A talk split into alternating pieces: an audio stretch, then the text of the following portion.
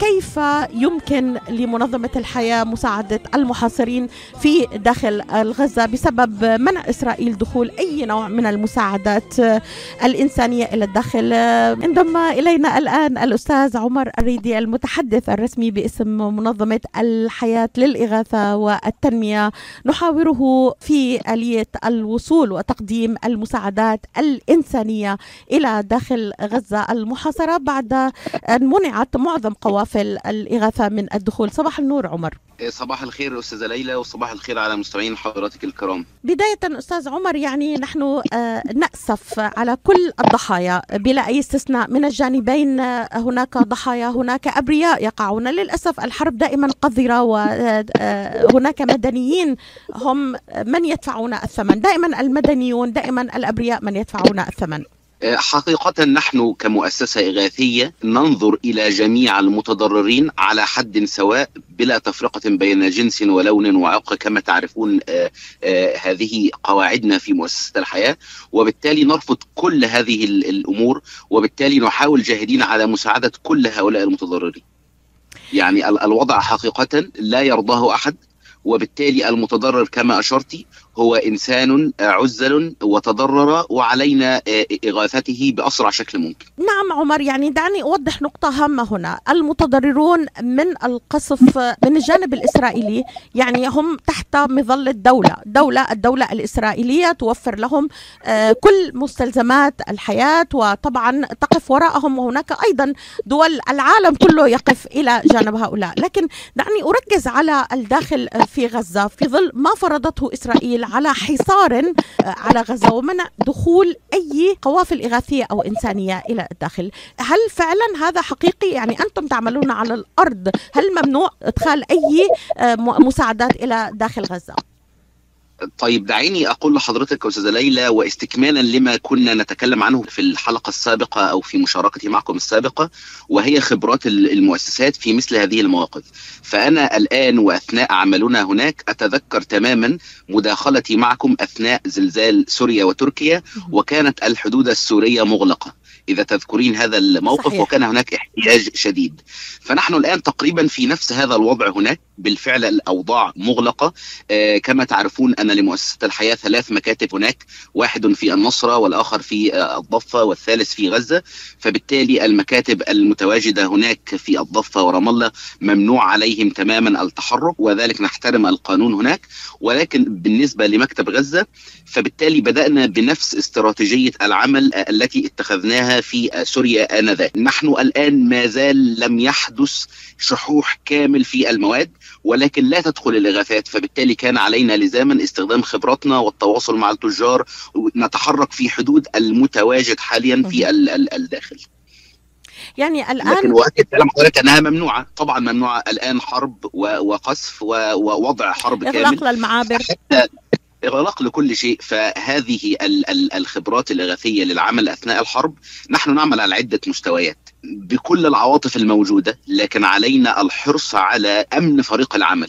لأنه إذا تضرر فريق العمل فالضرر سيكون أكبر. إذا تضرر فريقي العمل على الأرض فبالتالي أنا لن أستطيع تقديم أي نوع من أنواع الخدمات وبالتالي نعمل بكل حرص شديد على إيصال هذه المساهمات والمساعدات وتوفيرها من الداخل. أتمنى أتمنى أن يحل هذا الموقف قبل الوصول إلى مرحلة شحوح الأدوية وشحوح الوقود وشحوح المياه الصالحه للشرب فإلى الآن لم نصل إلى هذه المرحلة. يعني نتعامل بما هو متوفر في الداخل. أستاذ عمر دعني أتحدث معك فقط من منطلق القانون الدولي الإغاثي والإنساني. يعني من المتعارف عليه دوليا ممنوع فرض الحصار على معاقبة شعب بكامله. يعني فقط أنا من ناحية إنسانية أود أن تؤكد لي هذه النقطة. طبعا طبعا في القانون الإغاثي الدولي أنه حتى يعني كما تعرفون أن المؤسسات الإغاثية ليس لها علاقات سياسية وبالتالي حتى إذا كان هناك أي صراع سياسي لابد على الأطراف المتنازعة أن توقف هذا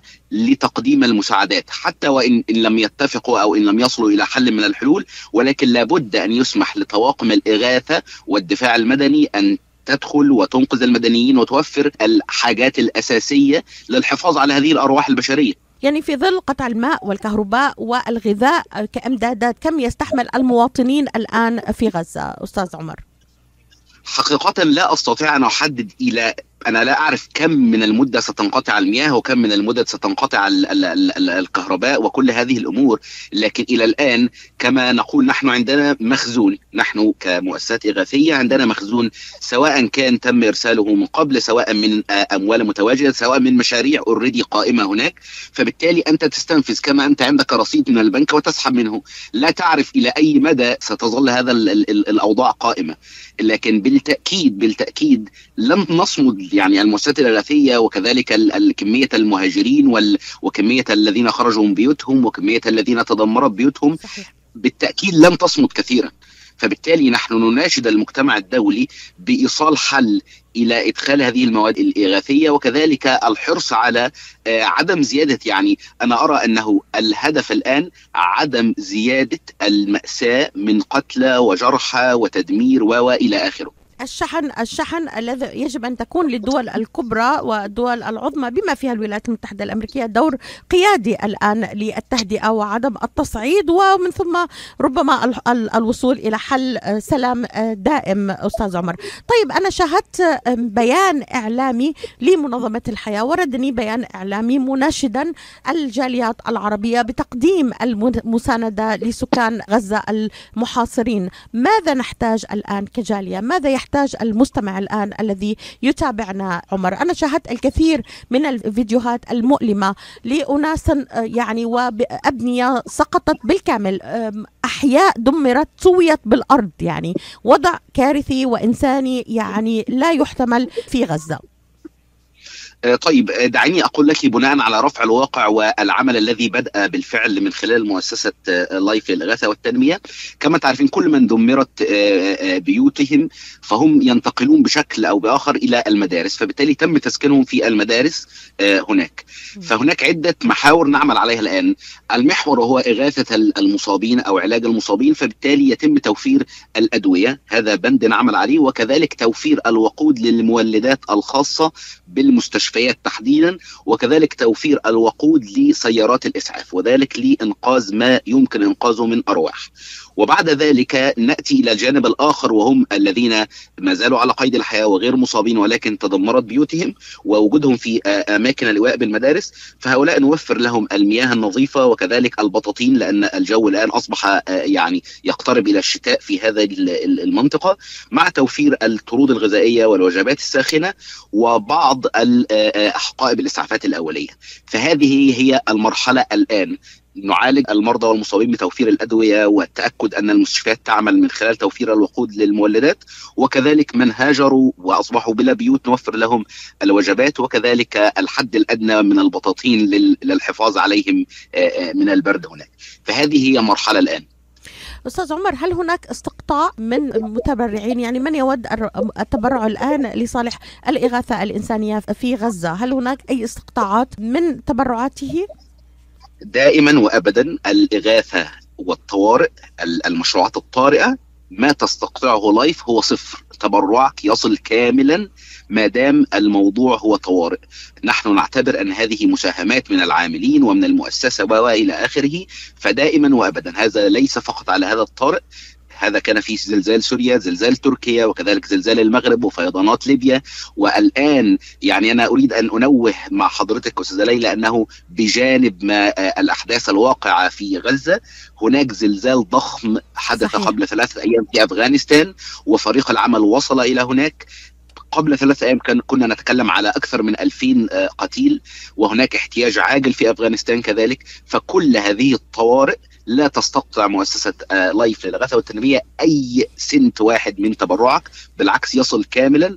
ونقول دائما عليك أن تتابع تبرعك عليك أن تتابع تنفيذه تستطيع أن تأتي لل... وتتواصل مع فريق الإداري بمؤسسة الحياة و... و... وتطلب منهم كل تفصيل عن تبرعك وسيصلك كل هذا. فالإغاثة العاجلة والطوارئ الاستقطاعات تكون صفر بالمئة.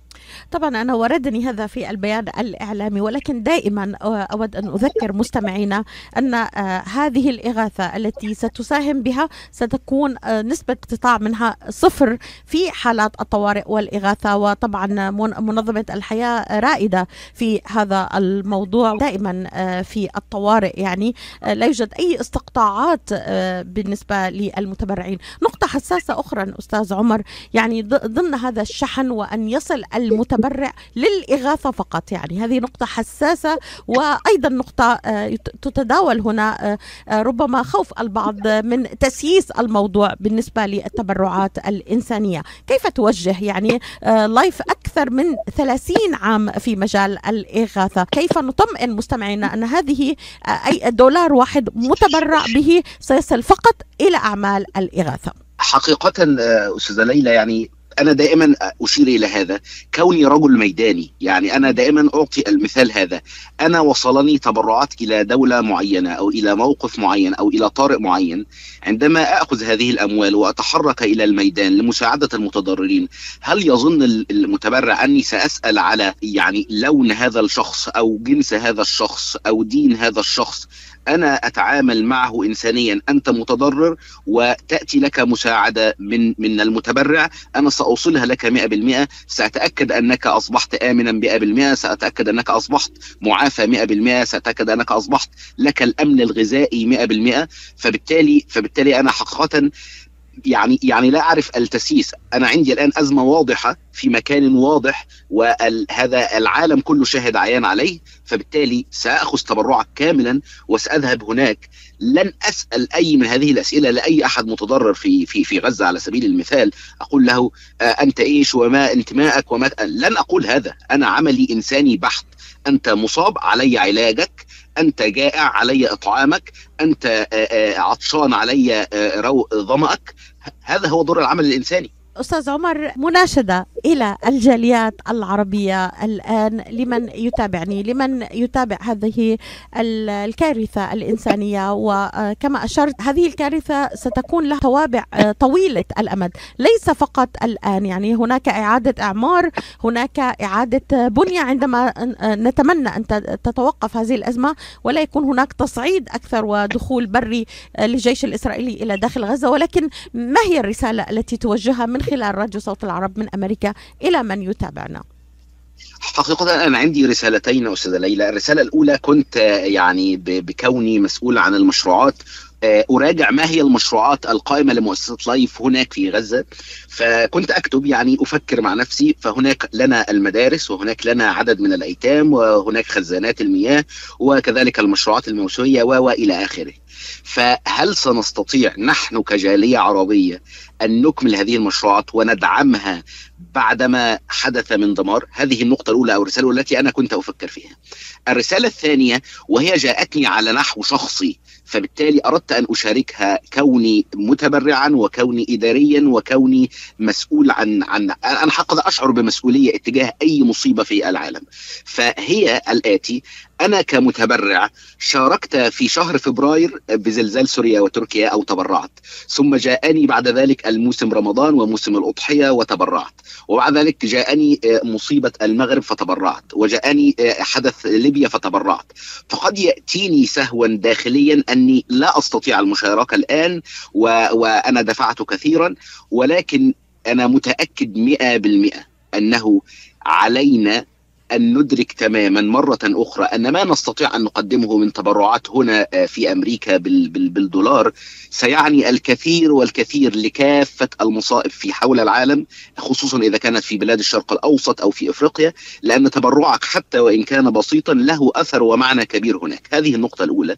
النقطة الثانية نتأكد مئة بالمئة وهذه قناعة شخصية لي أنه عند دعم في وقت شديد وفي وقت صعب مثل هذا دائما ما يعود عليك هذا يعود على على أهلك يعود على عملك يعود على أولادك وأهلك وفقط فكر قليلا إذا كان لي أحد ونحن جميعا مهاجرين إلى هذه إلى الولايات المتحدة الأمريكية، فبالتالي نعرف وندرك الوضع هناك، فإذا كان لنا باقي أسرنا، باقي عائلاتنا، هل كنا سنتركهم؟ لا أظن.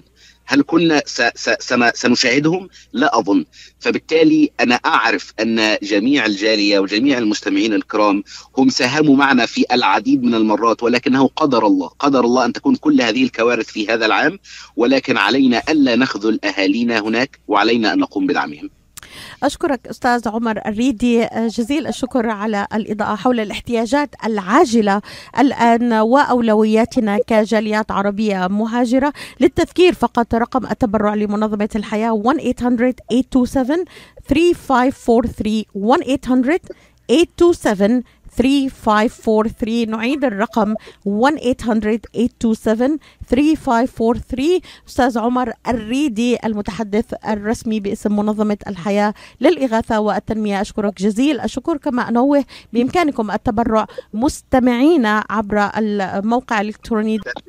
lifeusa.org ودائما نقول من خلال هذه الإذاعة أعمالنا وإنجازاتنا وكذلك أحترم تماما وجود حضرتك على المستوى الحيادي وال... والاطلاع على مشروعات المؤسسة وزيارة المكتب للاطلاع على الشفافية والمصداقية فدائما نقول صوت إذاعة صوت العرب هي صوت لايف للجالية العربية.